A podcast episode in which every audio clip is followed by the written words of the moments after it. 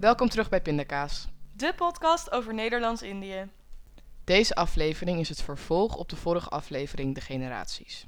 In het vorige deel spraken we met de eerste generatie en nu zullen we in gesprek gaan met de tweede en derde generatie. We gaan nu luisteren naar het gesprek tussen ons met de vader van Afra, Achim, en mijn moeder Carolien. Mijn vader heeft een Indische moeder en een Moluks-Indonesische vader. De moeder van mijn mama is geboren in Aceh, Sumatra en de oma van mijn moeder, weer van haar vaders kant, is geboren in Medan, Sumatra. We praten als eerst over onze opvoeding en de rol die Nederlands-Indië daarin heeft gespeeld. Zij is echt ondergedompeld inderdaad. Ja.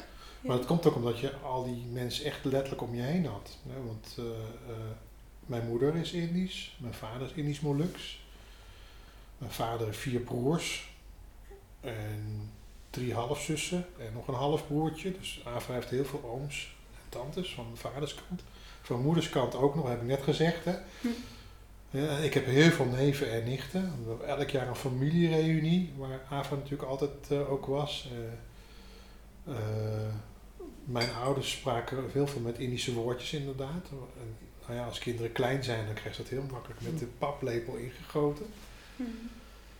En eh, nou ja, ik heb zelf ook drie halfzusjes. Nee, twee halfzusjes, één zusje en een halfbroertje ook. Die ook best wel Indisch zijn opgegroeid. Dus je had het eigenlijk niet alleen van mij. En wat, is, wat maakt het dan Indisch als jullie met elkaar waren? Ja, nou, Robin begon over die, over die woordjes. Hè? Ja. En dat zit natuurlijk wel heel erg in onze taal. Ja. En eh, met name eh, oma had dat heel Mhm. erg sterk. En eh, ik heb dat een stuk minder. Maar opa, eh opa Broes, mijn vader had het ook wel. Want die heeft zelfs ook nog altijd vloeiend Indonesisch kunnen spreken. Ja.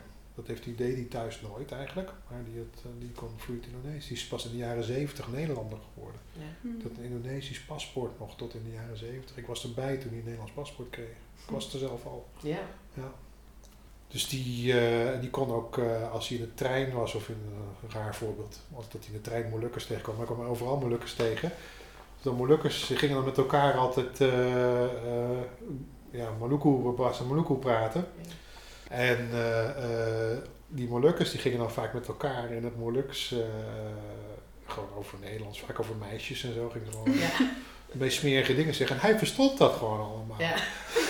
En dan ging hij soms, het is, het is zo, wacht even, ging, en dan ging hij vlak voor het uitstappen, zo ging hij in het uh, ging hij dan terugzeggen wat, uh, je wel een beetje op je woorden letten, hè. Dan, En dan half zij zoiets, En zo, oh, oh, hij. Ja. Heel mooi. Maar ook eten en zo, dat als je met elkaar bent, eh, maaltijden, dat soort dingen. Ja, Of ja. dat niet zo. ja zeker, zeker. Zeker. Eh, ja, mijn tante Ellie. Tante Ellie was de vrouw van de oudste broer van mijn vader. En die woont inderdaad in Schalkwijk. Ze woont nog steeds in Haarlem. Ze leeft nog. En tante Ellie is heel gastvrij. Is een soort, Ja. ja. ja, een soort koningin. Is het een soort Ja. zigeunerkoningin. Ja. Ze is zelf ook Moluks. Bokaratu heet ze. Het is een Molukse familie. En eh, eh, ja, altijd als je daar kwam, stond het eten al gewoon op tafel. Ja. En, Ja, eh, standaard. ze was dan een beetje in de keuken nog bezig met eh, tien pannen tegelijk. En eh, dan had ze naar huis had ze eh, drie koelkasten staan. Of, of één Terwijl het echt één niet een hele grote woning was. Ja, bij de, bij Heb de deur. laten zien, ja. Bij de deur heeft ze dan zo'n zo'n schuurtje met waar ze al die dingen bewaart. En altijd als je wegging, kreeg je dan ook nog vijf bakjes mee. Ja, bakjes, Ja. bakjes, eindeloze bakjes. Ja, Oh, dat ken ik ook zo. ja, Ja, bakjes, bakjes, ja, ja. inderdaad. Ja. Ja. Dus het eten, ja, dat was wel inderdaad Ja. heel, eh, heel erg aanwezig. Vooral eten als een bebek. dat zei oma altijd. Ja. Eten als een eend. Dat. Ja, en Ida vooral ook. Ida ook inderdaad. Ja. En dat is dan bij jou volgens mij weer veel anders gegaan. Nee, het grappige is, ja, nee, heel anders. Ehm, maar de- eh, daarom moet ik lachen om bakjes. Want dat waren mijn grootouders heel erg. Maar het aparte is, is dat ik dus ehm, dingen mee heb gekregen. Mijn grootouders die bijvoorbeeld die ehm, ontbeten om vijf uur s morgens. Nooit verteld volgens mij. Ehm, dus die stonden heel vroeg op, want dat was wat je deed in de tropen. Dan had je gewoon voordat de zon opkwam, want dan was het nog niet zo warm. Mm. En, eh, en dan gingen ze daarna weer naar bed. En dan sliepen ze eh, gewoon tot, tot acht uur of zo. En dan, eh, nou, en dan begon de dag. Dus, maar ook hadden ze altijd een fles water naast het toilet staan. Ja, Om, hoe heet dat? Een chochokker. Tjebokfles. Een chebokfles, dat is het. Ja. Ja, ja. Dus die hadden altijd gewoon, weet je wel, dat je altijd, je gebruikte geen wc-papier, maar water. Ja. En, ehm, eh, nou ja, en, en die bakjes, al, altijd alles, al dat eten, Eten. wat over was in Ja. bakjes. En altijd meegeven. Altijd Weet je, niks gaat weg. Dat is wel een oorlogsdingetje volgens mij. Niet vergeten verspilling. Nee. Maar altijd alles in bakjes meegeven. Dus Ja. dat is ook een... een Maar het is dus bij jou veel meer wat jij dan hebt meegekregen vanuit je grootouders dan per se vanuit je moeder. Ja, want kijk, mama die, eh, eh, die heeft ook allemaal van die woordjes ook. Dat, eh, ehm, daar ben ik ook wel mee, op, mee opgegroeid. Omdat zij dat gewoon eh, gebruikte. Alleen, ik kwam er eigenlijk pas achter dat dat anders was. En tot een paar jaar geleden. Hm. En toen ben ik met een vriendin naar Indonesië op vakantie gegaan in 2017, dus dat is echt heel recent. Ehm, en eh, toen hadden wij een gids, een Javaanse gids, we waren op Sumatra. En hij sprak geen Engels, maar hij gidste in een soort ja, half Nederlands eh, in uh, Bahasa. En, maar op dat typische eh, Ne- Nederlands-Indonesische taaltje. Nou, joh, ik was gewoon terug. Ja? Ik was gewoon terug. En ik zei tegen Peter, maar jij- ken jij die woorden niet? Een tandpadje en, eh, weet je, en, en een pendek en, en, en... Nee, nee. Ze, nou, ik zeg, nou, wat raar. ja. En zo begon bij mij pas eh, dat ik dacht, oh ja. Oh, maar je hebt die woorden dan zelf niet gebruikt, blijkbaar. Nou, dat is mijn, mijn eerste... Nee, want ik, ik ken ze niet. Nee, en mijn eerste vriendje voor papa, die had ook Indonesische achtergrond. En die, wij gebruikten onderling wel dat soort woorden. En op een gegeven moment, ja, mijn papa is natuurlijk helemaal niet... eh, eh, dus dan ja, verwatert dat gewoon. Hm. En omdat jouw broer en zus, denk ik, ook niet die woorden gebruiken. Nee. Dus je hebt nergens in jouw omgeving waar je iemand tegenkomt die ook inderdaad die woorden begrijpt. Dus gebruik ze niet meer, want dan moet Nee. je continu uitleggen. Maar Ja. dan weet je toch eigenlijk al dat dat woorden zijn die Petra niet zou kennen. Ja, maar het gekke is dat je dus niet het koppelt aan ehm, dat, dat je er. eh, dat het bij mij een identiteit hoort. Ja. En dat is dus, als ik jou hoor zeggen van, ja, wij hebben het allemaal st- altijd om ons heen Ja, gehad. het was er allemaal. Ja. ja. Dat heb ik dus niet gehad. Omdat bij ons was het juist, ehm, eh, je, je sprak er helemaal niet over. Nee. En je, je- dat weet ik, weet ik pas van mijn moeder veel, veel later, eh, dat het geen onderwerp was. Nee. Dus, ehm, en ik ben zelf in Zuid-Amerika geboren. Ehm, dus ik eh, plaatste altijd dat geboren zijn ergens als een soort, ja, nou ja, het kan ook op de Antillen zijn of in Spanje of weet ik veel. Dat is niet een identiteitsding. Nee. Dat is pas veel later is dat bij mij binnengetikt dat het wel degelijk heel erg Ja. eh, een enorm vormend identiteitsding is. Ja. Ja. Ja, dus op een hele andere. ehm, Ja. en pas, pas eigenlijk toen ik in Indonesië was. Ja. En, en toen ben ik alles gaan onderzoeken. En toen kwam ik erachter hoe ongelooflijk veel Indonesische connecties in onze familie zit. Ja, Ook van mijn vaders kant. Ja. Wist ik ook niet. Ja. Dus Dus eigenlijk zijn jouw, jouw ouders, je moeder en jouw grootouders, dat zijn twee generaties in, in Indië geweest. Ja. En het gekke is, mijn vaders kant, niet mijn vader, maar ehm 100 jaar daarvoor, dus vanaf tot de jaren 30 en dan 100 jaar daarvoor. Dus die Oh, hebben die plantages gehad en, Ja, en ja. eh, dingen. Dus Ja. eh, die hebben, eh, Dus eigenlijk heb je Indische ouders. ja, dit is dus altijd weer zo'n moeilijke vraag. Nee, Ja. want eh, zij waren ook eh eh Totoks. Ja, maar wel aan Indië dit- gebonden nou, ouders. Deze vraag, Ja. wat jij nu zegt, Ja, dit is wat ik dus mijn hele leven al zo ingewikkeld vind. ja, Eh, want ehm, als ik ja zeg, dan is het, eh, ben je het dan van bloed, hè? want dat is dan eigenlijk hoe je, eh, Definieert. hoe je het definieert. En dat ben ik niet. Alleen mijn ouders zijn zo donker als wat. Je hebt pikzwart haar, Ja, pikzwart, hartstikke donkere ogen. ik zou jou ook als Indo Ja. eh, herkennen. Ja, denk dan ik. moet je mijn broer kijken. Zeker als je naar foto's Ja. ook van opa Jong kijkt. Die is Ja. hartstikke Donker. donker. Ja? Haar broer. Ja, Ja, want dat zal, zal je wel... En jou, jouw vader heeft dus ook voorouders die in Indië generaties lang hebben gezeten. Ja. En je moeder heeft er sowieso twee generaties Ja. gezeten, dat weet je 100% Ja. zeker.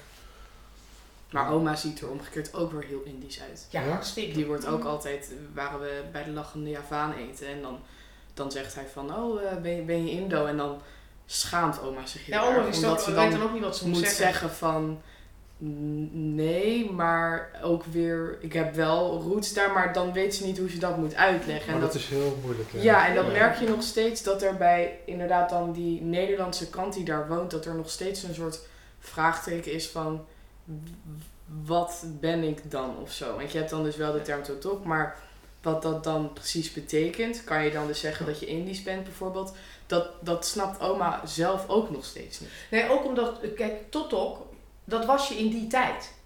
Maar dat is niks meer. Dat bestaat niet Dat meer. bestaat niet Nee. meer. Alleen wij bestaan wel nog Ja, steeds. precies. Gek Ja, genoeg. ja. Kijk, ik ken het gevoel ook al wat, wat, wat je beschreef over je oma in het Mhm. restaurant. Dan, dan, ik snap precies wel wat er door de heen gaat, want ik ben zelf half Molux. En volgens Molukkers bestaan halve Molukkers niet, ben je Molux of niet. Mm. Maar goed, dat terzijde. en, eh, maar ik was daar nooit zo bewust mee bezig met dat Molukse. En toen, eh, ik kon als klein jongetje kon ik goed schaken. En ik deed mee aan een schaaktoernooi. En dat schaaktoernooi was in Geldermalsen, waar heel veel Molukkers wonen. Nou, er waren een paar Molukse teams die meededen aan het schaaktoernooi. Maar die waren allemaal in vroege rondes uitgeschakeld. Ik drong door tot de finales. En zij hadden al mijn naambordje gezien, Pelopessi. Maar ik zag er helemaal niet zo Molux uit. Ik was wel Indisch, zag ik er. Niet Molux. Maar Pelopessi en begonnen allemaal in het, in het Maluku weer tegen mij te praten. En dat wat je dan voelt, dat je niet terug kan praten. Mm. Dan voel ik een beetje wat jouw oma, denk ik, Mm. misschien wel Ja. ook wel voelt. Van, ik hoor erbij. Maar Hoe dan? ik kan niet... Ja, precies, maar hoe Ja. dan? Ik, wa- wat, wat, eh, wat, wat zeggen jullie eigenlijk? Hè? Je voelt Ja. wel wat ze zeggen, maar je kan Maar niet... je kan je niet Je, kan, je bent niet één, Nee. één mee of zo. Nee. En dat, is- dat, is, eh, dat herken ik wel heel erg. En ik kan me ook voorstellen dat heel veel Indische mensen dat ook hebben. Want je hebt natuurlijk heel veel gradaties van Indisch zijn. Ja. Want ik heb ook neven, die komen uit dezelfde familie als ik, van moeders kant. Hè, met Mm. neef, die aan mij allerlei dingen vragen. eh, van hoe zit dit en hoe zit dat en hoe is dat. En, gewoon, ze hebben het gewoon niet meegekregen van hun ouders. Nee. Terwijl ze een moeder hebben die een zus is van mijn moeder. Ja. Mhm. Ja. ja, ja. Want jij hebt dat wel, wat oma dan met mij deed, gewoon veel praten erover. Dat deden Ja. jouw ouders thuis ook? Ja. Al vanaf het Ja. begin? Ja, ze hadden ook hele felle discussies erover. Want eh, eh, mijn vader is eigenlijk als Indonesiër opgegroeid. En niet als Indo. Sprak wel Nederlands thuis. Was heel ingewikkeld, want hij is een halve Ja. Molukker. En zijn moeder was Indisch. Dus mijn, ik- mijn, de oma van vaderszijde is een Indische vrouw ook. Maar mijn opa van vaderszijde is een Molukker. Ja. Opgegroeid in, in Batavia, Nederlands sprekend thuis.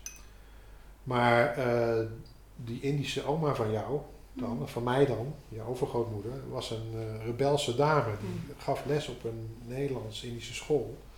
Maar had daar ook een paar eh, lesjes over de Indonesische geschiedenis in verwerkt. Ja. En dat mocht niet. Nee. Dat was verboden. Daar Ja. heeft ze echt ontzettend voor op de donder gekregen. En daar was mijn vader altijd heel trots op. Ja. En eh, terwijl mijn moeder komt uit een Indische familie. Dus eh, haar broers eh, bij- bij, bij korpsmariniers gezeten en heel Nederlands eigenlijk. eh, echt een heel bruine man hoor, maar heel Nederlands qua, qua cultuur en trots en leger. En Ja. aan de Nederlandse kant echt. Ja. Heel erg aan de Nederlandse kant gedacht allemaal. En, eh, ook netjes praten en zo. En terwijl mijn vader altijd zei van ja, eh, het is Indonesië nu. Ja. Het, is, eh, het is niet Nederlands-Indië. Nederlands-Indië bestaat niet meer. Dus daar was hij echt heel erg fel in altijd. Ja. En mijn moeder ging wel redelijk in mee, maar er was ook wel eens andere familie thuis die daar niet in mee. Nee. Dan kreeg je echt wel discussies zo van ja, want Ja. ze zijn er echt niet veel beter op geworden sinds ze onafhankelijk zijn. En ja, of dan het andere zijn dan je, mijn vader bijvoorbeeld, zijn er wel veel beter op geworden. En dus, eh, dus die discussie was er ook altijd. Over. eh, eh, Ja, en dan moet je nagaan binnen één familie. Nederlands-Indië Ja. versus Indonesië. Dat was eigenlijk al een discussie. Ja. Ik moest altijd zeggen dat ik van Indonesische afkomst was. Terwijl ik nu gewoon zeg ik ben Indisch. Mhm. Want ik weet nu hoe de geschiedenis, ik ben erin gedoken. Ik weet nu hoe de geschiedenis in elkaar zit. Ik ben niet Indonesisch. Mijn vader was Indonesisch misschien, half. Ja. Maar wacht eens even, hij is Nederlandstalig opgegroeid. Zijn, va- zijn moeder gaf les op een Nederlandstalige school. Hij had eh, bediendes thuis, we allemaal helemaal in de Indische cultuur, zeg maar. Ja, dan kan je wel zeggen, ik ben Indonesisch, maar dat is toch heel erg de Indische cultuur. Dus dat, dat Nederlands thuis praten. het, Dit vind ik eh, heel ja. interessant wat je zegt. Ja. En er gaat nu bij mij van alles, k- klikt er nu. eh, dus als je alleen maar het hebt over het Nederlandse en het Indonesische perspectief, Ja. dan ga je totaal voorbij Ja. aan dat stuk wat juist die twee eh, landen aan elkaar verbindt. En dat is het Indische stuk. Ja. En eigenlijk verwoord jij nu precies, eh, want jij voelt dat dus ook. Ja, dat die, dat die dus echt discussie is nooit geëindigd. Nee, Die is nee, er nog steeds. nee. Indisch is, heeft te maken met Nederlands-Indisch, met de koloniale tijd. Er worden geen Indische kinderen meer geboren. nee. Maar er worden wel lieve en leuke en mooie kinderen geboren uit een gemengd huwelijk. Ja. Daar wil ik niks op afdoen, maar het zijn geen Indische kinderen. Nee, Het zijn geen Indo's in die zin. hè? nee, Nee. nee. Maar aan de andere kant, eh, we hadden het net over de Passamallen, waar ik altijd arm vandaan kom. dat is nu ook een feest waar iedereen komt. Ja. Ja. Heel veel Indonesiërs en eh, Nederlanders en ook, maar ook eh, Surinamers. Ja. En, en, want Suriname kent natuurlijk ook een Javaanse bevolking. Ja, Die heel veel gemeen heeft met de Indische mensen uit, uit, uit eh, Nederlands-Indië. ja, ook heel veel gemengde huwelijken. Ja, Ja. ja. en, en eh, waar, waar de Passamalem ooit is begonnen als feestje voor koloniale, ou- oud-koloniale Indo's in Den Haag vooral, Ja, is het nu een soort van multicultureel iets geworden. En waar Indonesiërs, eh, expats nu in, uit Indonesië ook heel graag naartoe gaan. Ja. En zo, Mhm. Dat ik ook wel snappen. Nee, dat klopt. Maar het, Ja. het is eh, een, ehm, eh, een, een soort verbondenheid die je heel erg voelt. Maar inderdaad, wij hebben ook wel, in, in- zelfs in, hu- in huis, hè, met Jelle, die is laatst als haar broertje. ehm, die zegt dan, eh, aan tafel zei hij het ook. Hoezo, je bent toch, we zijn toch niet Indisch? Eh, Nee, ze spreken in jij. Een soort van, wat ik Ja. heel grappig vind, is dat... ehm, ik lijk heel erg op mama, ik heb donker haar, donkere ogen. Jelle is eh, blond ginger met blauwe ogen, net als papa. En ik merk dat zij een scheidlijn trekken tussen ons vieren. Dat wij dan Indisch zijn, maar zij niet. En ik snap niet hoe ze dat denken. Want Nee. een soort van, kijk, papa natuurlijk niet, want dat is Nieuw-Zeeland, dus dat is sowieso geen, die heeft sowieso niks Indisch. Maar ik snap niet dat Jelle zich niet dan denkt van, ja, ik ook. Soort van, want dan heeft hij het steeds over jullie. Maar Jelle heeft exact hetzelfde bloed als ik. En exact dezelfde, heeft, exact, heeft dezelfde oma. Dus hoezo eh identificeren... Kijk, ehm, waar dat dan vandaan komt, weet je wel. Qua, gewoon omdat hij gewoon er nog nooit bij stilgestaan heeft. Of dat hij gewoon het nog steeds niet begrijpt of niet wil begrijpen. Of dat hij gewoon denkt van... Ja, ja het is allemaal onzin wat je uitgaat. Of het is Ja. het is misschien wel een keuze. Ja. Dus, eh, hè, dus, eh, dat heb Nou, jij misschien dat- ook wel. eh, Dat je, dat je denkt van nou ben ik nou... Je, je hebt er ook een keuzevrijheid in, denk ik hoor. Of, ja, Maar Ja, ook... Nou, Ja. Wat, maar wat ik ook bijvoorbeeld denk, want een soort van, ik hoorde van, zeg maar op de basisschool werd er aan mij gevraagd van, ben jij Indo of zo, weet je wel, door mensen. Ja. En Jelle heeft natuurlijk die vraag nooit gekregen, want Mhm. die is hartstikke... Ja, Ja, dat- vanwege dat mijn uiterlijk. Ja, Dus ja. soort van, ik denk ook dat ik al veel jonger wist dat er iets buitenlands was dan, zeg maar, dan Jelle. Want Jelle ziet er ook gewoon heel Hollands uit, dus Mhm. niemand zal ooit aan Jelle vragen van, heb jij wat Indisch of zo? Dat zal nooit gevraagd worden aan hem. Maar Nee. als wij samen over straat lopen, dan wordt dat wel gevraagd, ja, weet je gaat wel. wat sneller, ja. Dus soort van, denk dat dat misschien er ook in bijdraagt. Dat Ja. ik al veel jonger eh, bewust ben van dat dat onderdeel is ook van oma, zeg maar, dan Jelle. Maar wat, wat Ja, je vertelt dat over dat, immer, uit. dat immersen, dat, in, dat, dat, je, dat je onderdeel bent, eh, wat je zei over die woordjes. Ja, Dat je pas erachter komt dat het anders is als je, eh, eh, toen je het in Indonesië hoorde, van oh daar komt het dus vandaan. Ja. Want ik had, toen ik voor mijn vierde, vijfde jaar, had ik geen idee van dat ik Indisch was. nee, Geen idee. nee, Want het was gewoon voor mij normaal. ja, We gingen, ik woonde in Eindhoven. Alle Indische families daar die kenden elkaar en die kwamen bij elkaar over de vloer. Ja. En ik had familie daar. Dat was mijn omgeving. Ja. Totdat ik naar school toe ging. Hm. En daar kreeg ik ruzie met uitgerekend het enige Indische jongetje uit de klas zo'n beetje. Alwin. Alwin Wolf, hè, voor de podcast weer. Als je, luistert, als je, nooit als je meer. luistert, Alwin, Ja. my man. ja. En Alwin die had ruzie gemaakt met mij en die had op zijn donder gekregen van zijn moeder. jullie zijn Indischen, jullie moeten niet ruzie maken met elkaar. En sindsdien is Alwin met zijn broertje, ik weet niet, volgens mij heette die Franklin of zo, was altijd juist eh degene Zijn het die... ook de jongens die jou die Ja. oorlogdingen die, die Ja, ja, dingen hebben geleerd? wel heel gemene trucjes hoor, niet te Ja. geloven. Mijn vader was corporaal in het leger. Ja, die had, die konden vechten, die gasten. Moet je je voorstellen, ik was, zat in Eindhoven op school. En dat was in 1968, nou toen jij geboren werd. Ja. Toen had je niet eh, overal eh, stoere jongens die doekoe dit en doekoe dat zeiden. Dat waren gewoon allemaal blanke jongens. Ja, Hè, dat is, eh, was heel, je was gewoon als, als een bruine jongen op zo'n school was je gewoon vogelvrij. Ja. En ik had dat helemaal niet door. nee. Totdat die moeder van Alwin zei, jullie zijn Indischen, jullie moeten met elkaar, eh, je moet elkaar als kant kiezen. Nou, dat deden we vanaf toen. Dit heeft mijn broer ook Ja. meegemaakt. Ja? Ja. Nou, ja, dezelfde generatie. Ja. ja. Ja. En mijn Ja. broer, want die is van 66. Ja. ehm, en mijn broer ehm, eh, was ook wel toen in de tijd weet je, van de kapingen en dingen. Mijn broer is zo vaak van zijn fiets getrokken. In elkaar geslagen. En uitgescholden. En wat hij allemaal niet heeft meegemaakt. En dat ik hem als zusje moest redden uit het park. Want dan hadden ze maar een boom gebonden en hem achtergelaten. Ja, Dat is wel heel erg. ja ze hebben echt wel hele, hele nare dingen eh uitge, uitgefroten eerlijk gezegd. Maar hij had geen Alwin. Nee, nee, klopt. Nee. Dat klopt. Er was niet een. eh, eh, eh, ja, nee, dat, dat, en, maar, en dan het gekke was dat dus wij in de familie ook niet zeiden waar dat dan door kwam. Dat werd ook niet uitgelegd. dat is wel naar voor je broers, hè? Ja, dus die. En omdat hij. dus- allemaal natuurlijk eigenlijk. ja, Ja. Dus pas nu, eh, en het gekke is wel, dat, dat vertelde ik later ook, met, eh, pas op de middelbare school, toen was er Paul van Stockhausen, die laatst op de verjaardag van eh, Nathalie was. Ehm, dat was wel, wel een Indo. Hm. Dus op de middelbare school kwamen wel ineens een paar Indo's bij Robert in de klas. Goed zo. Ja, en Ja. toen had hij, en toen was het ook wij pinda's. Ja, Zij waren echt al samen, zeiden ze, wij pinda's staan samen. dus een stuk veiliger. Ja, en precies. En dat was op de middelbare school. En dus een aantal van die jongens kent hij nou nog. Ja, terecht. Nu je dit zo zegt, denk ik, Ja, echt, ja, ja, dat is, eh, ja, man, ja, dat is ja, echt, dat Maar ik vind het wel heftig wat je vertelt, dat hij, eh, dat hij inderdaad zo is gepest. Want Ja. ja, ja dat, wat ik ook heb geleerd van, van mijn jeugd, is dat solidariteit heel belangrijk is. Hè? Dus dat, eh, en dat komt, ook, eh, dat komt ook door het verhalen van mijn vader. Mijn vader is als Molukker opgegroeid in Jakarta, in Batavia. Vroeger heette het Batavia, nu Jakarta. En daarvoor heet het ook Jakarta, dus eigenlijk is het Jakarta. ja, precies. Maar goed, eh, het was een intermezzo. Ja. Ja. heel anders. Ja. eh, Ja. En in Jakarta heb je een hele grote Molukse gemeenschap, maar ook een hele grote Chinese gemeenschap. En je hebt natuurlijk de, de Jakartanen zelf. hè, en dat is ook weer wat anders dan een standaard Javaan, schijnt. Ja.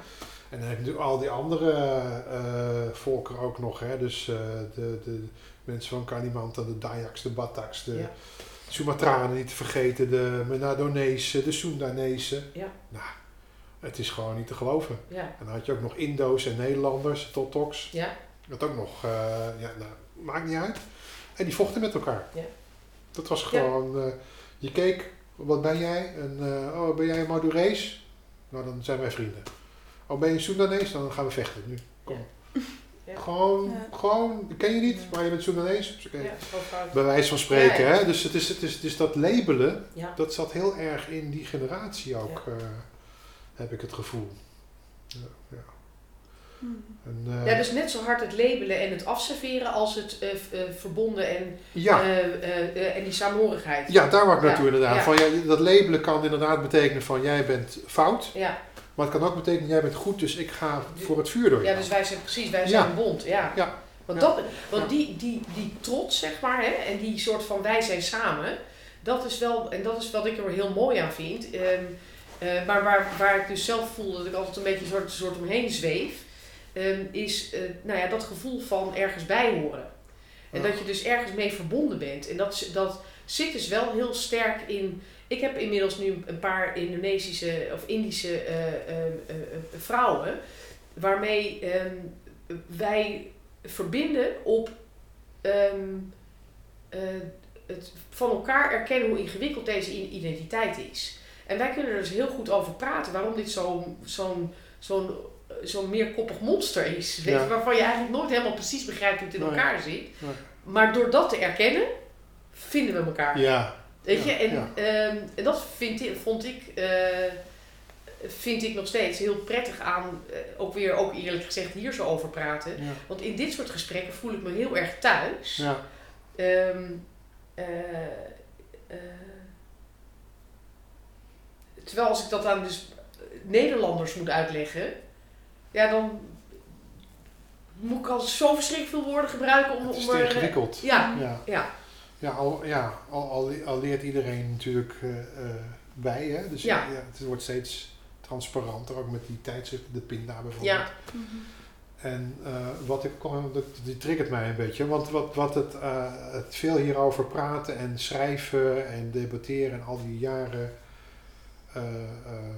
discussie, openbare discussie hierover mogelijk maakt, is dat we de complexiteit inderdaad erkennen. Ja. En dat ook gewoon dat het niet meer versimpeld wordt. nee, Eh, want het, het- natuurlijk is het zo. Je had vroeger drie groepen in Nederlands-Indië, de inlanders, de Indo's en de Indonesiërs. Maar als je wat dichterbij komt en met een vergrootglas gaat kijken, dan is het veel ingewikkelder. ja, En dan had je Indische mensen die in de kampong woonden. Ja. Dan had je Indonesiërs die in de Indische buurten woonden. Ja. Dan had je Chinezen die in de Nederlandse buurt woonden. Ja, weet je, het, eh, en dat, die literatuur zorgt ervoor dat dat, dat dat steeds duidelijker wordt hoe complex het eigenlijk is. En Ja. zoals elke, ge- elke geschiedenis, hoor, elk verhaal.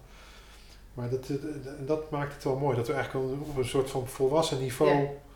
Over die praten. Ja, en, dat precies. het, ja. en dat het niet platgeslagen Nee. wordt tot één ding. Want Nee, Hoe kan je in godsnaam een land als Indonesië, wat zo groot is, waar zoveel culturen en al op één eiland, Ja, eh, weet je, één eiland is al gewoon de helft van Europa. ja. Weet je, en, en dat we daar dan, dat we dat al plat slaan tot. Indonesiërs. Ja, hallo jongens, Ja, dat kan helemaal Eigenlijk niet. niet, nee. Nee. En, eh, eh, en dat, dat erkennen inderdaad, ehm, eh, eh, dat, dat is denk ik al het allerbelangrijkste. Mijn vader is naar Nederland gekomen dat hij een studiebeurs kreeg. Ja. Dat is ook eh, waarom ik mezelf vaak een kakmolukker noem. 99% van de Molukkers in Nederland is afkomstig van militairen die hier gestationeerd zijn. eh, de- in de jaren 50 die Ja. naartoe zijn gekomen, met z'n allen. Maar ongeveer 1% is gewoon arts, eh, dominee, eh, jurist, Ja. eh, student. Die had had je toen ook. Ja. En dus mijn vader is echt, zijn land was Indonesië.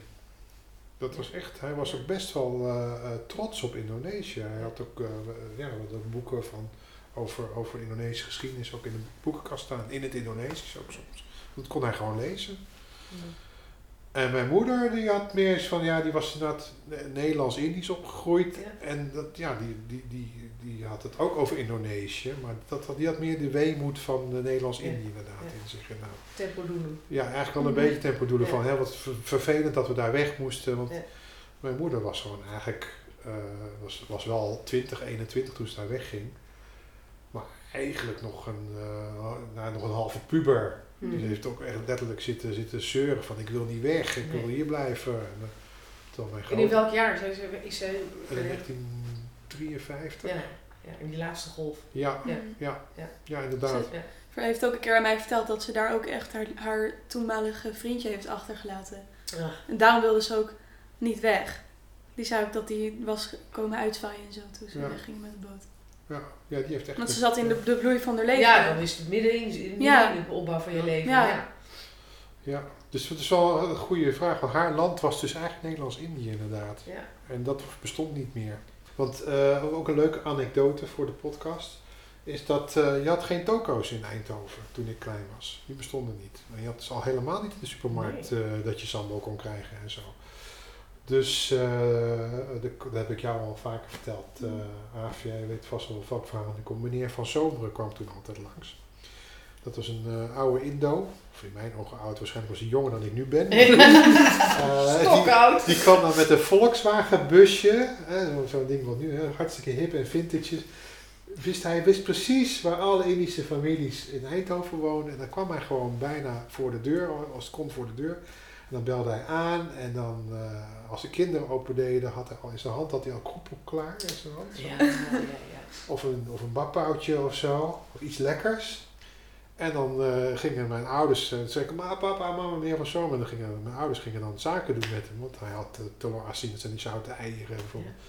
Maar ook dingen als uh, seree, Ja. eh, ehm, eh eh, dat, het, het was allemaal niet te krijgen in de gewone winkels. En dat, dat, dat had hij, daar had hij een bus vol. Of van dat zoute vlees, denk denk. Ja, ja. Nou, dat, nou, we kochten altijd een, eh, een tas vol. Maar dat geeft wel een beetje aan dat dat een, een, een soort van gemeenschap op zich was. Ja. Ja. Dat was mijn land in feite. Ja, Ja. Dat was mijn, die mensen. ja, Ja. dat was dus niet een, een fysiek land, geen geografisch land, maar dat, die gemeenschap was mijn groep, zeg maar. Ja. Ja, en dit is interessant. Als je nou de analogie met oma maakt gisteren. Kijk, toen in die eh, immigratiegolven, eh, zeg maar vanaf eh, zeg maar 45 tot, ongeveer 354, eh, die golven naar Nederland kwamen. Heb je, eh, je hebt in Twente heb je zo'n, eh, je hebt in, ehm, eh, in Assen heb je natuurlijk, je hebt in eh, Eindhoven, eh, nou Den Haag eh, eh, eh, overduidelijk. Eh, er zit nog iets in Limburg ook. Eh, dus daar ben ik met Margaret, heb ik daar een hele stu- eh, stu- eh, studie naar gedaan. Waar zitten de, waar zitten de, Indonesische, de Indische gemeenschappen? ja. Ook voor dat programma voor het Rijksmuseum, want ik wilde het Rijksmuseum naar die gemeenschappen brengen, want die komen niet naar Amsterdam. Dus ik wilde juist, Oh, zo, ja. ik wilde juist de beweging daarheen Ja. maken. Dus zo zijn we begonnen met dat identificeren. Waar zitten die gemeenschappen? Waar zijn ze terechtgekomen nadat ze uit Indonesië, uit, uit Indonesië kwamen? En, eh, en dan, daarom zitten dus op een aantal plekken dit soort, wat, je- precies wat Ja. jij omschrijft in Eindhoven, Die is precies dat. Ja, ja. Nou, en oma die vertelde dus dat zij ehm, mochten ook kiezen, want iedereen mocht kiezen als ze hier kwamen, waar wil je, waar wil je gestationeerd worden? En oma, mijn grootouders hebben toen voor Twente gekozen. En, maar ehm, nou, dat hadden ze misschien niet moeten doen, want zij landden daar in een hele ja, boerse eh, wereld. Ja. En in die boerse wereld, nou daar was je natuurlijk al heel snel een exoot. Ja. Ehm, en dat is wat ze gisteren ook, zij kon het ook niet echt heel goed vertellen. Maar het is heel, het is, ik denk eerlijk gezegd dat, dat, dat daar echt het verschil inderdaad zit. Ja. En dat je dan dus eigenlijk in een hele eh, natuurlijke manier Ja. al die dingen doorgeeft. Ja. Waar dat voor, omdat wij eigenlijk zo heel, mijn, de broer van mijn moeder, het is mijn oom, die ik dus nu ook pas dus twee jaar geleden voor het eerst sprak, die zei ook al, die zei ook zo terloops in dat gesprek van eh, eh, over vroeger. Het echte trauma eh, voor opa, moet je nagaan had hij de Burma Spoor- Spoorweg al meegemaakt, begon pas in Nederland. Hm. Bij terugkomst. En ik durfde toen, de eerste ontmoeting, durfde ik niet te vragen wat hij daar nou precies mee bedoelde. Want ik dacht, erger dan die Burma Spoorweg kan het niet zijn. Nee, dat is een hel natuurlijk. Ja. Ja. Ja. En, ehm, en toen, de tweede keer heb ik het hem gevraagd en toen zei hij, ehm berooid hier in Nederland achter te komen zonder dat iemand je verhaal wil horen, Ja, dat, dat, eh, dat is heftig. dat, daar kom je nooit meer te boven. Nee. En eh, ja, en ik denk dat daar de fundamentele verschil Ja. zit. ja, En inderdaad, wie werd er gehoord? Wie had iemand om mee te praten? Weet je, zit je in die gemeenschap? Heb jij iemand, Ja. ook al is het maar één iemand met wie jij daarover kan praten, die wil luisteren? Dat is zo'n enorm verschil. En dat merk je dus dat dat zelfs in onze generatie nog doorwerkt inderdaad. Van dat oma dus en haar vader nooit iemand gevonden heeft om mee te praten. Dat dat nog steeds Ja. doorwerkt. Ja. Maar ik denk dat dat een heel belangrijke factor is inderdaad. Want, eh, eh, eh, want mijn, de, de ouders van oma Eten zijn ook eh, met veel verdriet vertrokken uit eh, Ja. Indië. Dus eh, eh, eh, die hadden eigenlijk een oude dag al gepland daar. ja, precies. Die hadden een stukje land. Ja. Eh, ik weet niet of oma dat wel eens verteld heeft, maar die hadden al een stukje land gekocht waar ze dan zich konden terugtrekken. En, eh, eh, want ze waren al, volgens mij waren ze al rond de 50 toen ze naar Nederland toe kwamen. Ja. En hier moesten ze eigenlijk opnieuw beginnen. Ja, precies. Inderdaad, en inderdaad berooid wat je Ja. zegt, dat klopt. En, en ook veel meegemaakt inderdaad in de oorlog. En mijn opa heeft ook, die is zelfs naar Japan geweest. Ja. Die heeft in de kopermijn in Japan gewerkt. Zo, nou, dat is zo heftig. Ja, dat is heftig, ja. Zo. En mijn oom Ruud die was net groot genoeg om het kamp in te moeten. Dus als enige jo- jongen van, van het gezin moest in zijn eentje het kamp in. Ja, hij was eh 14 of zo. Het mannenkamp dan, hè? Ja, Ja. ja en eh, moet je nagaan, dat heb ik pas op zijn uitvaart gehoord. Toen de oorlog afgelopen was, toen de, de vrede, eh, de capitulatie was, de Japanse capitulatie, moesten die jongens alleen de weg naar huis vinden. Ja. Toen was hij 17 of 18 of zo. Ja. Hmm. Dus die, en hij zat ergens in een uithoek van de Indonesische archipel in een kamp. Ja. Moest hij eens met bootjes en alles. En dan, eh, uiteindelijk is hij in zijn eentje dus bij zijn moeder thuis eh, aangeklopt. Hè? Van, eh, mama, Maar dat is toch weer. een wonderbaarlijk wonder. Wonderbaarlijk. Want hij Ja, dacht ik- dat hij dood was. Nou, Ja. eerlijk gezegd, eh, eh, die memoires van opa, nou jij moet ze nog eh, lezen, maar als je dat leest ook, denk je, zij zijn ook gewoon op een schip geladen en toen zijn, hebben ze die jappen, die, die, dat, dat, dat schip gewoon de, hoe heet die eh, rivier, ik moet, ik moet het weer eens lezen, dat ik al die namen weer paraat in mijn hoofd heb. Maar hebben ze gewoon eh, dat schip gewoon die rivier opgeduwd. Hm. En eh Toedeleoki, bekijk het maar. Ja. En toen hebben ze uiteindelijk, vlak na de capitulatie, hebben ze dat schip weer teruggehaald. Maar toen waren, leefden ze, nou, er waren al heel veel overleden. Maar mijn vader opa heeft toen dat toch overleefd. Hè, anders had ik hier niet gezeten.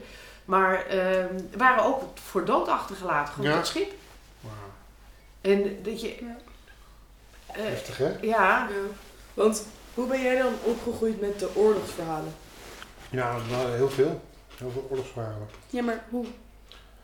Eh, eh, Gewoon vertellen. Dus gewoon eh, dat ze verteld worden inderdaad. Eh, mijn oma vertelde er niks over. Dus de moeder van mijn moeder vertelde er niks over. Niks. Praatte sprak er niet over. Mijn moeder zelf wel. Hm. En die heeft dan weer een beetje uit mijn oma getrokken. ja. En mijn opa die vertelde erover, die had dat ze in de kopermijnen gezeten in Japan. En die vertelde alleen maar de leuke dingen. Ja. Dus alleen maar de leuke dingen. En eh, dat, dat als, als iemand, als een kind iets niet lust of zo, zeg ik, nou, ik heb in Japan olifantenpoep gegeten of whatever, weet ik. eh, Anekdotes. Ja, van Ja, anekdotes. ja, eh, ja. want het is goedzaam. Ja. Ja, en, eh, eh, eh, Maar dan niet vertellen waarom je dus die olifantenpoep moest eten, zeg maar. Nee, absoluut. Ja. Wat, wat mijn neef laatst vertelde, dat wist ik niet eens. Die vertelde dat eh, mijn opa aan hem een keer had verteld, of aan zijn moeder, van dat eh, het best kan lonen om je aan te stellen. Dus eh, als een Japaner je slaat, gewoon heel, heel kleinserig doen. Oh, oh, ik kan niet meer, kan niet meer. Zo snel mogelijk dat je niet meer kan opstaan, dan- dan, dan stoppen ze met slaan. Hmm. Want eh, mensen die zich groot houden, dan, dan, eh, Je moet ze gaat- klein Die maken. moet je Ja. breken. dan voelt zo'n Jap zich helemaal, sorry, zo'n Japanse meneer zich uitgedaagd. En dan, eh, Kijk, dat waren de jappen, hè?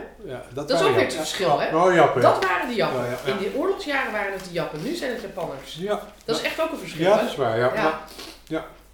Dus, dus dat is een oorlogsverhaal dat zit, ja, niet zo lang geleden tot mij kwam. Van, eh, dat eh, Hmm. onze opa de, de lafste krijgsgevangene was van... Snel janken, want dan overleef je. Ja, precies. Ja. Maar het wel, het een ontzettend vrolijke man was het. Ja. Ja. Een charmeur. Die, eh, die eh, nauwelijks Nederlands kon toen hij hier in Nederland kwam. En een beetje als achterlijk werd gezien omdat hij niet zo goed Nederlands kon. Maar hij sprak zeven talen vloeiend. Het waren alleen allemaal Indonesische talen. Ja. Hij sprak Hoog-Javaans, Laag-Javaans, Soedanees. Nou, eh, Nederlands was toevallig zijn slechtste taal. Ja, Ja. er wat aan doen. Maar anyhow, die oorlog is via mijn moeder vooral eh, tot ons gekomen. En hoe zij het als kind heeft meegemaakt. En dan, Mm. dan, zie, dan vertelt ze het dus dat ze haar moeder dus heeft zien overleven. Maar ik weet ook niet wat hij allemaal gedaan heeft in de oorlog. Want die was alleen met Ja. vier dochters. Ja. Want de, de zoon was zat in het kamp. De man zat in het kamp. En het kleine zoontje is gestorven in de Tweede Wereldoorlog. Dus eh, ze zat met vier, eh, nee, vijf meiden. Ja. Ja, toch vijf toch? Mhm. Magda, Tine, Lieke, Maud. Itte, Puk. Vijf meiden. Ja. Maud is de vrouw van Omrit. Oh. Dus, en v- via mijn vader, dat is nog vager. Want eh, die, die zaten helemaal niet in het kamp. eh, dat was gewoon... eh, eh, ik geloof dat mijn opa best een goede, goede onderneming had in de Tweede Wereldoorlog. Hij had iets met transport, deed hij, eh, met boten en zo. En je hoort hele dubbele verhalen. Dus echt eh, mishandelingen en, en eh, vernederingen. Maar ook dat toen eh, de bevrijding daar was... eh, dat die ene Japanner die nog in de buurt was van mijn oma... Dus van, zeg maar, oma Etes moeder, zeg maar, met die vier meisjes, vijf meisjes... dat die de opdracht had gekregen om de familie te beschermen tegen de eh Bermuda's, tegen de, De rebellen. inlandse rebellen met bamboespiezen die Ja. heel leuk vonden om Indische mensen Ja. te vierendelen en te villen en weet ik veel, heel wreed mee omgingen. En dus hoewel de Japanner gezien wordt als de grote vijand, de Jap, de klootzak, was er ook, waren het ook helden. Die dus gewoon letterlijk in een eentje of met z'n tweeën eh, de opdracht kregen om, eh, om die Indische mensen te beschermen. Tenminste, zo heb ik het gehoord hoor. Ja, omdat Ja, maar zij- dat is die heel, zij waren heel tijd. Ja. plichtsgetrouw. Dus als er verteld Ja. werd, je gaat de Indische mensen in elkaar slaan, dan deden ze dat. Maar als er verteld werd, je gaat ze beschermen, deden ze dat ook. Want Ja. het was gewoon, ze, ja, die, die hebben gewoon die eercode van, Ja. als hun keizer hen zegt, Ja. doe een dansje, dan doen zij een dansje. Ja, ja, dat, Dus- waren- ja, dat waren militairen ook Ja. op z'n keren, dus Ja. ook extra gehoorzaam. Ja, ja, dus, eh, dus de, en, en ook van mijn vader heeft leren fietsen van een Japanner. ja, Want die hadden goede fietsen. ja. Dat is heel, heel plat is dat. Ja. Die hadden goede fietsen en andere fietsen in de oorlog die waren heel slecht. Of, Ja, soms is het dan ineens zo'n heel simpel Ja, verhaal inderdaad. ja. Van ja, nou, het was gewoon zo. Maar even terug over die oorlog, want je vroeg eh, wat, wat, heeft er, wat is dat in jullie ehm, leven eh, voor rol gespeeld? Bij mij ook altijd anekdotisch. Hmm. Ehm, opa die dan vertelde over ehm, eh, dat, nou ja, hij had dan een oorlogsbeen, dus was er in bamboe getrapt, waarvan we nog steeds, ik uit de documentatie dat niet haal. Maar goed, hij had in ieder geval een zwaar geïnfecteerd been uiteindelijk aan het einde van de oorlog. Maar dat ze dat in het water staken, in de rivier, zodat de vissen het rottende vlees eruit aten. Nou, dat werd ons dan verteld. Dat op die manier had hij dan de oorlog overleefd, omdat die vissen zorgen dat dat, dat, dat been schoon bleef. Hmm. Ehm, maar ook dat oma ehm, in het Jappenkamp, die heeft de ehm, BH's en de, dat was natuurlijk hartstikke hilarisch, eh, hoog in een paal, omdat anders de ratten ehm, eh, al die kleding op aan zat te vreten. Dus als de kleding gewassen was, dan werd alles opgeheven en dan hing het boven in een paal. Maar ja, dan hingen natuurlijk ook die BH's en dingen hingen daar. En die Jap, die zat natuurlijk eh, die, die zat een beetje naar die BH's te loeren. En wij moesten altijd heel erg lachen om, haha, die BH's die hangen daar als een vlag. Maar het verhaal was natuurlijk dat die ratten overal zaten. Ja. Maar ja, dat hoorde je dan eigenlijk niet Nee. in het verhaal. Dat is net als wat jij net Ja. zegt Ja. dat, je, ehm, dat het op een grappige manier verteld wordt. Maar wat, wat de oorzaak is Er achter die achter. olifantenpoep Ja, is natuurlijk ja. verschrikkelijk. Ja, ja, ja. Ehm, ja, Ik had wel één oom, schiet me nu te binnen, over eh, oom Jan. Dat is een, eh, een, een- de man van de oudste zus van mijn moeder. Een Indische man. En die is na, eh, na de Tweede Wereldoorlog is, is hij ook militair ge- gebleven in, in, eh, in Nederlands-Indië. Of eh, de, zeg maar de tussenfase tussen Ja. Nederlands-Indië en Indonesië. En die heeft eigenlijk ook, was in de oorlog had hij ook allerlei eh, vage intelligence functies en die heeft er eigenlijk nooit zoveel over verteld. eh. maar behalve dan dat hij wel de stoere dingen dan inderdaad. hè, Ja. maar- dus dat hij dan tegen zijn leerling, want die jongens kwamen rechtstreeks uit Nederland naar, naar Indië toe. En ja, die wisten helemaal niet hoe de tropen in elkaar zaten. En al helemaal niet hoe een guerrilla-strijd in elkaar zat. En zij eh, zei, je mag nooit een sigaret opsteken zo, in het do- donker. Als je wacht loopt of zo, want dan schiet er gewoon je kop eraf. Want je neemt een trekje, je ziet een Ja. gloei, gloeiende, gloeiende peuk. En daar mik je op. En een kans van 90% dat je iemand raakt dan. ja. Hè, als iemand een trekje neemt. Ja. je- En het was in het donker dat hij dat uitlegde. En die jongens zijn onder de indruk natuurlijk van het verhaal. En dan waren ze stil onder de indruk. En hij pakt een sigaret uit zijn neus, steekt gewoon een sigaret op zo. Maar eh sergeant was hij geloof ik toen en zei, maar wat doet u nu dan? Ja, hij zei, ja, ik weet waar ze zitten. Ik Dapper. weet waar zij zitten. Jullie niet. Dat Maar dat, maar dat is ook weer anekdotisch. hè? Ja, precies. Maar dat betekent, het, het komt wel weer ergens vandaan. Ja, maar het dat verhaal wat eronder en Ja. achter zit, ja. Ja, heeft wel wat weggeschoten koppen gezien, denk ik. Zo, nou Dat precies. is ook wel grappig. Eh, Postbank ING was op een gegeven moment. Daar eh, zochten de Molukkers elkaar op. Die, want je had natuurlijk een elektronisch systeem op een gegeven moment. Je kon Ja. gewoon een naam intypen en dan kon je al je collega's zien die Bessie heten. Of al je collega's die Patty Pellowy heten. En zo hadden die Molukkers, die zijn natuurlijk heel scherp op, op Molukse namen. Ja. En die hadden mij dus gevonden. En dus ik werd dus ook lid van een, eh, van een eh, een Molukse mailgroep. Oh ja, joh. Ja. Ja. Dus ik kreeg dus ook mailtjes. En dat was op een gegeven moment was dat ook wel heel actueel. Want dat was eind jaren negentig. Toen had je grote onlusten op de Molukken. Mm. Molukken hadden jarenlang, eeuwenlang eigenlijk...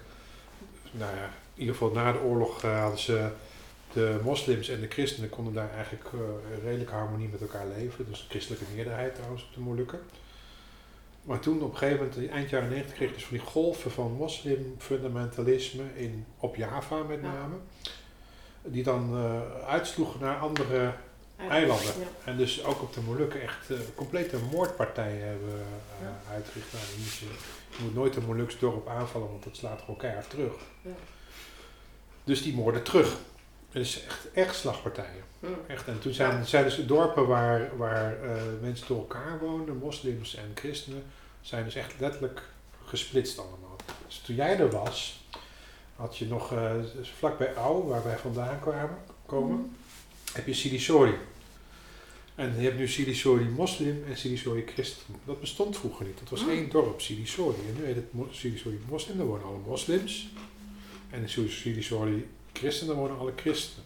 En elk dorp is dus nu christelijk of moslim. Oh ja, Er zijn maar heel weinig dorpen waarbij het nog door elkaar woont. Alleen, dat is ook nog wel een leuk corporate feitje, alleen de dorpen eh, bij het eh, Pertamina eh, eh, terrein, dus de Indonesische staatsoliemaatschappij, Mhm. daar zijn de rellen niet toe doorgedrongen. Hoe kan dat nou, hè? Ja. En daar wonen ze nog wel bij elkaar. Dus het is wel grappig. Hoe dan, eh, of grappig, Oh. zeg ik helemaal niet grappig. Maar in ieder geval, Hm. de, de En dat is nog steeds zo. Mm, ja, het is nog steeds eh, gesegregeerd, Ja. zeg maar. Hè? Ja. Eh, en christenen zijn een beetje stapje voor stapje heel rustig en ze hun, hun de meerderheid aan het verliezen. Want je hebt natuurlijk een enorm aantal eh, moslims eh, in Nou, dat zie je ook op Java. Het is Ja, heel precies. Het is daar heel erg aan het Ja. eh, eh, overheerst aan het worden. Dus Ja. het gaat ook op de Molukken, spreidt zich uit. Maar in ieder geval, die Molukkers die vonden elkaar ook bij de postbank. En Hmm. eh, hoe kwamen we er ook weer op? Vanwege de... Maar hoe, hoe, hoe, groep, hoe manifesteerde zich dat dan? Want wat, wat, had je dan in die mailgroep, ging het dan ook echt over wij met elkaar of dingen? Of waarom, waarom groepeerden die Molukkers zich binnen de postbank dan? Het was, het was meer nieuws inderdaad verspreiden. En, en Molukkers groeperen zich eigenlijk altijd. Ja. Indo's ook wel, maar iets minder. Maar over die onlusten, dat je elkaar informeerde Even over wat er informeren. gebeurde. Ja. Ja, ja, ja. Overigens is die eh, jongen die dat eh, initieerde, die man, die is tot de orde geroepen. Het mocht op een gegeven moment niet meer. Nee. Je mocht geen bedrijfs-e-mail gebruiken voor dit soort politieke eh doeleinden. Dus hij, hij moest ermee ophouden. Dus dat Molukse netwerk is toen gestopt bij. ING. Maar, nee, maar het was ook tijdens mijn studie ook al. Want Sam en Peter, twee van mijn allerbeste, aller, allerbeste vrienden, die, eh, Peter is de vader van Esmee. ja, die hadden mijn naam gespot op een studentenlijst. Ja. We studeerden het allemaal hetzelfde. En, eh, oh, jij bent Pelipessi. Net zoals op het schaaktoernooi. Jij bent Pelipessi. Ja, zo, eh, Ja. wij- komen, Sam komt dan van eh Noesalaut en eh, eh, Peter wordt eh Oelat. Hè? Oelat is eh, tegen O aan. Ik zeg, oh, nou, dan zijn we buren. Hm. Ja, nou, en het zijn nog steeds Ik- mijn beste vrienden. Maar Ja. ze zoeken elkaar wel altijd op. Maar ik denk ook dat bijvoorbeeld Sam en Peter, dat zijn ook mensen in mijn leven die dat ook heel erg hebben beïnvloed. Altijd binnen, wij gaan er elk jaar met hun op vakantie. En, maar ook gewoon dat je heel erg van hun, zeg maar, een soort, wat, dat die saamhorigheid ervaart. En ook heel erg dat van, wij zijn hetzelfde, als in de zin van, we hebben dezelfde Afkomst. afkomst. Dat dat mij ook heel erg heeft beïnvloed in de zin van dat ik daar echt trots op ben. Hm. Omdat Ja. je er zo in bent opgegroeid. Ja. Met dat soort mensen om je heen. Ja, dat is inderdaad wel waar. Want we gaan inderdaad met, met eh, familie van mama gaan we dan altijd eh, ook vaak op vakantie. Hè? Dus de West-Friese Hmm. kant, of de, de reunies van oma Afra dan. Ja. Ja. Afra is genoemd naar oma, Ja. West-Friese oma. Maar we hebben dus ook inderdaad elke meivakantie gaan we met mijn twee beste Molukse vrienden en hun gezin gaan we op, met drie gezinnen op vakantie, al Ja. jarenlang. Ja. En een van die jongens, Sam, is ook echt opgegroeid in zo'n Molukse wijk. Ja. Die kent echt iedereen en alles. En die, Ja. ja, die kan gewoon zeggen, oh, bij eh Patimura, hup, hup, hup, of eh, noem maar een naam, Maniputi, eh, oh, dan kom je daar vandaan. En, eh, ik kan zo plaatsen, dit dit werd uit zijn hoofd. Ja. Dat kan ik allemaal niet, maar dat heb ik allemaal een beetje van hem geleerd. Ja. Nee. Nou, weet je waar, wat, wat mij nu ineens het, het, het treft, of dit is, dit- ik, ik noem het even, het is best wel tribal manier van hoe je elkaar Ja. opspoort. En ook omdat je achternaam zo eh, eh, is. totaal herkenmerkend is Ja. aan waar je vandaan komt, moet ik ineens de link maken naar ehm, eh, de Itties. Want haar vader is een eh, Nieuw-Zeelander, Mhm. maar geadopteerd. eh, oh, een heel lang ander verhaal. Maar, ehm, eh, en, Hij heeft twee halfbroers. en hij heeft twee halfbroers. En dat weten we ook pas sinds jullie, jij drie bent ongeveer. Ehm, en die zijn Maori, Ah, dus uit Nieuw-Zeeland. Ehm, ehm, broedervolk. Ja. Ja. En precies dit wat jij omschrijft is, want wij hebben een heel goede relatie met hun. Het is jammer dat het echt letterlijk het andere eind van de wereld is. Want dat is echt, eh, ik, zou, ik zou ze zo graag in mijn buurt hebben. Ja. Ehm, en nu weet ik eigenlijk ook door alles wat jullie nu zeggen, waarom ik me zo ongelooflijk thuis voel in hoe zij met elkaar omgaan. Mhm. Want ook, hè, zij wonen nu ook met al die, eh, eh, die allemaal in één groot huis. Mhm. Want dan is de een heeft te vroeg een kind gekregen of die waren nog niet getrouwd. Of, of een vriendinnetje die studeert en ja, de ouders wonen op het Noordereiland en zij wonen op het Zuidereiland of andersom. En nou, dan kom je toch gewoon hier wonen en nou, we zorgen gewoon voor elkaar. En het is ook eh, de kinderen, ook toen jullie zo klein waren, toen was Jelle twee en jij was vier toen we naar Nieuw-Zeeland gingen. Wij hebben nooit op hun gepast. Die kinderen in allerlei leeftijden zorgden allemaal voor elkaar. Ja. Dus wij hoefden helemaal nergens op te letten. Nee. Dus dat, dat, dat, dat enorme community sense. En, ehm, eh, maar, en, maar een hele proud family. Hm. Dus, maar wij zijn toen op een huwelijk geweest in Vanuatu, waren jullie niet bij. Waarvan zijn nichtje. En daar was het allemaal, hey cousin, hey cousin, Hm. hey. En Paul die stond daar met zijn witte koppie en, en die. En Paul is best wel een dikke, eh hè, papa is bepaald niet slank zeg maar. maar dan sta je tussen al die eh Polynesiën eh, met zulke armen en dingen. Nou joh, ik kreeg een slappe lach. Paul die leek, die leek, leek leek. echt zo bij die gasten. En dan stonden ze daar allemaal van, hey cousin, hey. En dan zei ik altijd, "Doe niet te hard slaan, want je slaat ze zo doorheen. En dan van die grote tattoos en dingen, ja. jongen. Nou echt, dat was gewoon Dat is geestig. inderdaad die community Maar heel sense. tribal. Heel Ja, community ja, die voor elkaar zorgen. Gericht. En ik denk dat je dat gewoon sowieso heel veel terugziet in ehm, gewoon groepen die in de meer, minderheid zijn. En die Ja. op elkaar aangewezen zijn. Je merkt dus dat wanneer oma die community sense niet heeft, dat zij dus ook heel alleen is. Ja. Ja. En dat die mensen het dus ook echt nodig hebben. Dus bijvoorbeeld, we zeggen wel altijd van, weet je, totaal weer iets anders. Maar als je dan weer kijkt naar bijvoorbeeld hoe het in de VS gaat, dat ze allemaal zeggen black community, ja, zij, zij houden zich ook heel apart van iedereen. Maar je ziet dus dat wanneer ze dat dus niet doen, dat zij volledig verliezen wie zij zijn. Mhm. Dus je hebt het nodig. Ja. Ja. En dat hebben degenen die het vervelend vinden dat zij het nodig vinden, hebben dat gecreëerd. Ja. Dus, soort van, het is iets, het is een Ik denk dat mens het nodig heeft. Elk mens Ja. heeft het nodig. Alleen die communities zijn kleiner, dus moet je dichter bij elkaar zoeken. Maar het aparte is eigenlijk wel, als we er zo over doorpraten, is dat wij als Europeanen, wij dat veel minder hebben. Ja, dat bedoel ik Ja. met, dat Dat bedoel ik met dat, individualistische... dat ehm, wij, soort van, de, de Nederlandse kant, zeg maar, heel individualistisch is. Ja. En dat je dus helemaal niet hebt van, ik heb samenhorigheid en solidariteit nodig. Doe gewoon, doe het allemaal met eentje, prima. Maar dat, je dat, maar dat we dat wel zeggen, omdat wij overal omringd zijn met al die individuelen. En dat wij altijd iemand in je omgeving hebben. Je hebt altijd wel iemand in de klas met een Nederlandse afkomst, die precies dezelfde opvoeding heeft gehad. Ja, precies. Ja. Ja. En dat wanneer Ja. jij uit het buitenland komt, of je nou ja, dan ja, uit, zo ja. uit Indonesië komt Ja. of uit eh, Marokko, dan is dat ineens veel kleiner. Ja. Dus er zit ineens niet meer altijd iemand in je klas die Nee. dat verhaal doet. Dus ontstaan die communities en ga je elkaar actief opzoeken, waardoor je het voelt als een groepering. Ja. Omdat je gewoon een kleinere Ja, groep en- bent. Weet je wat ik nou zo gek Ja. vind de afgelopen paar dagen? Is dat wij eigenlijk veel meer allemaal rommel ervan ervaren dan de mooie dingen ervan. Hmm. Weet je, dus eh, allemaal ingewikkeld en moeilijk en eh, weet je wel, ehm, ehm, terwijl er zo, want als je jullie erover hoort praten, is het veel meer ehm, dat het in je, in, je, in je leven nu veel meer na- eh, naar mooie dingen leidt. En eh, lekker eten met elkaar en fijne eh, relaties. En, en natuurlijk in alle familierelaties gebeurt wel eens wat, maar er zit veel meer ehm, eh, de mooie samenhorigheid. Die- Ja. Ja, ja, ja, het is wel een, een leuk contrast inderdaad. Of Ja. leuk, ik weet niet of het Ja. leuk is, maar Interessant. ik, ik herken wat je, Ja. wat je constateert inderdaad. Ik denk dat, dat als je eh, generaties lang iets probeert te verstoppen, ja. dat het naar buiten komt als het gaat pijn doen. Ja, En dat daarom bij jullie dan misschien de minder leuke dingen naar boven komen. ja. Terwijl wij, eh, en dan spreek ik voor zowel mijn vader als mijn moeder, die ook allebei heel nare dingen hebben meegemaakt, maar die hebben echt om zichzelf te motiveren hier en om elkaar te motiveren en om hun broers en zussen te motiveren, hebben ze het gewoon zo leuk mogelijk gemaakt Ja. met elkaar. Ja. En dat is wel de kracht van de community, van Ja. de tribe. Want je gaat bij elkaar zitten en je zit op een feestje, op een verjaardag, Ja. Lekker gegeten, tante Ellie kan geweldig koken.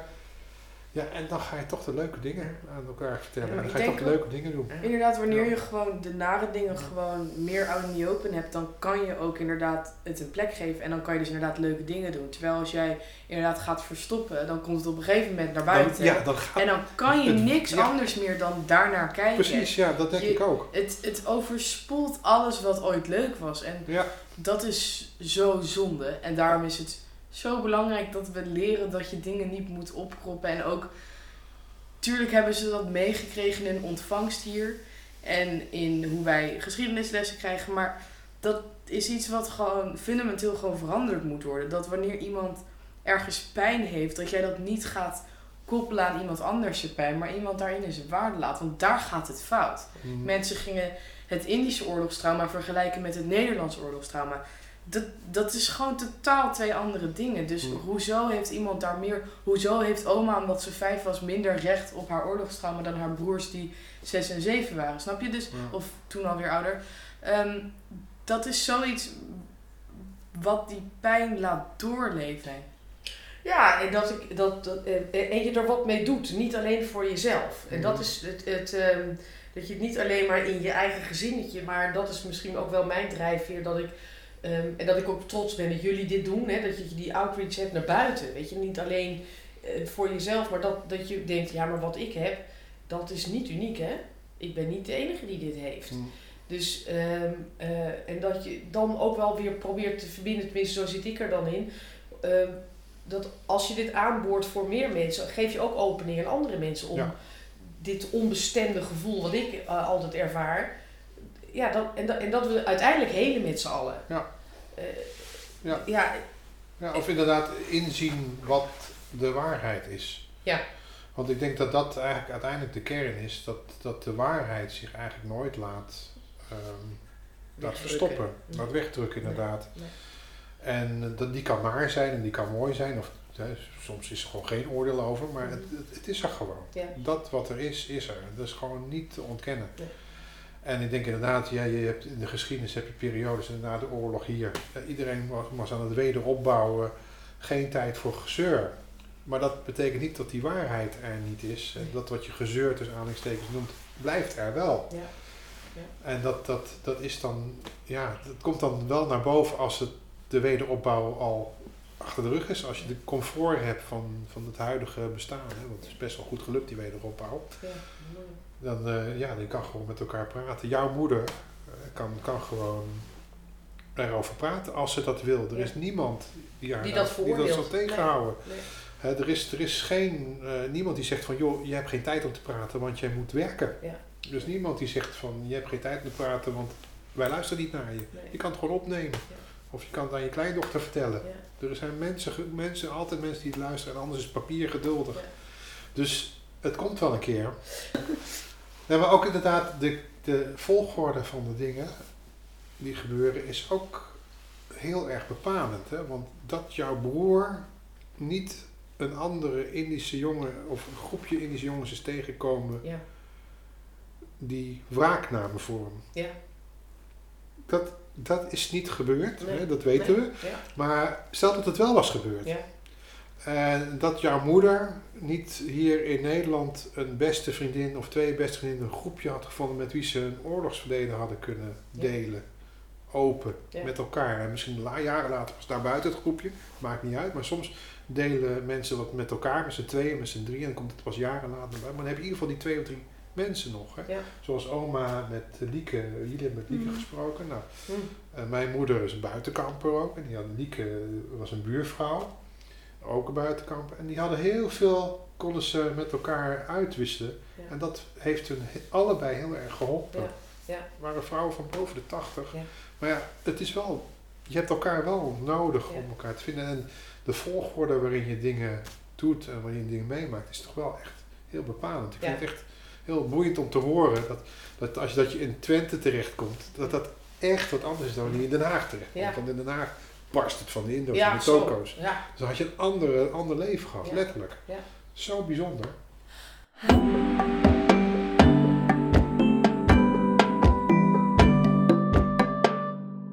Terima kassie voor het luisteren.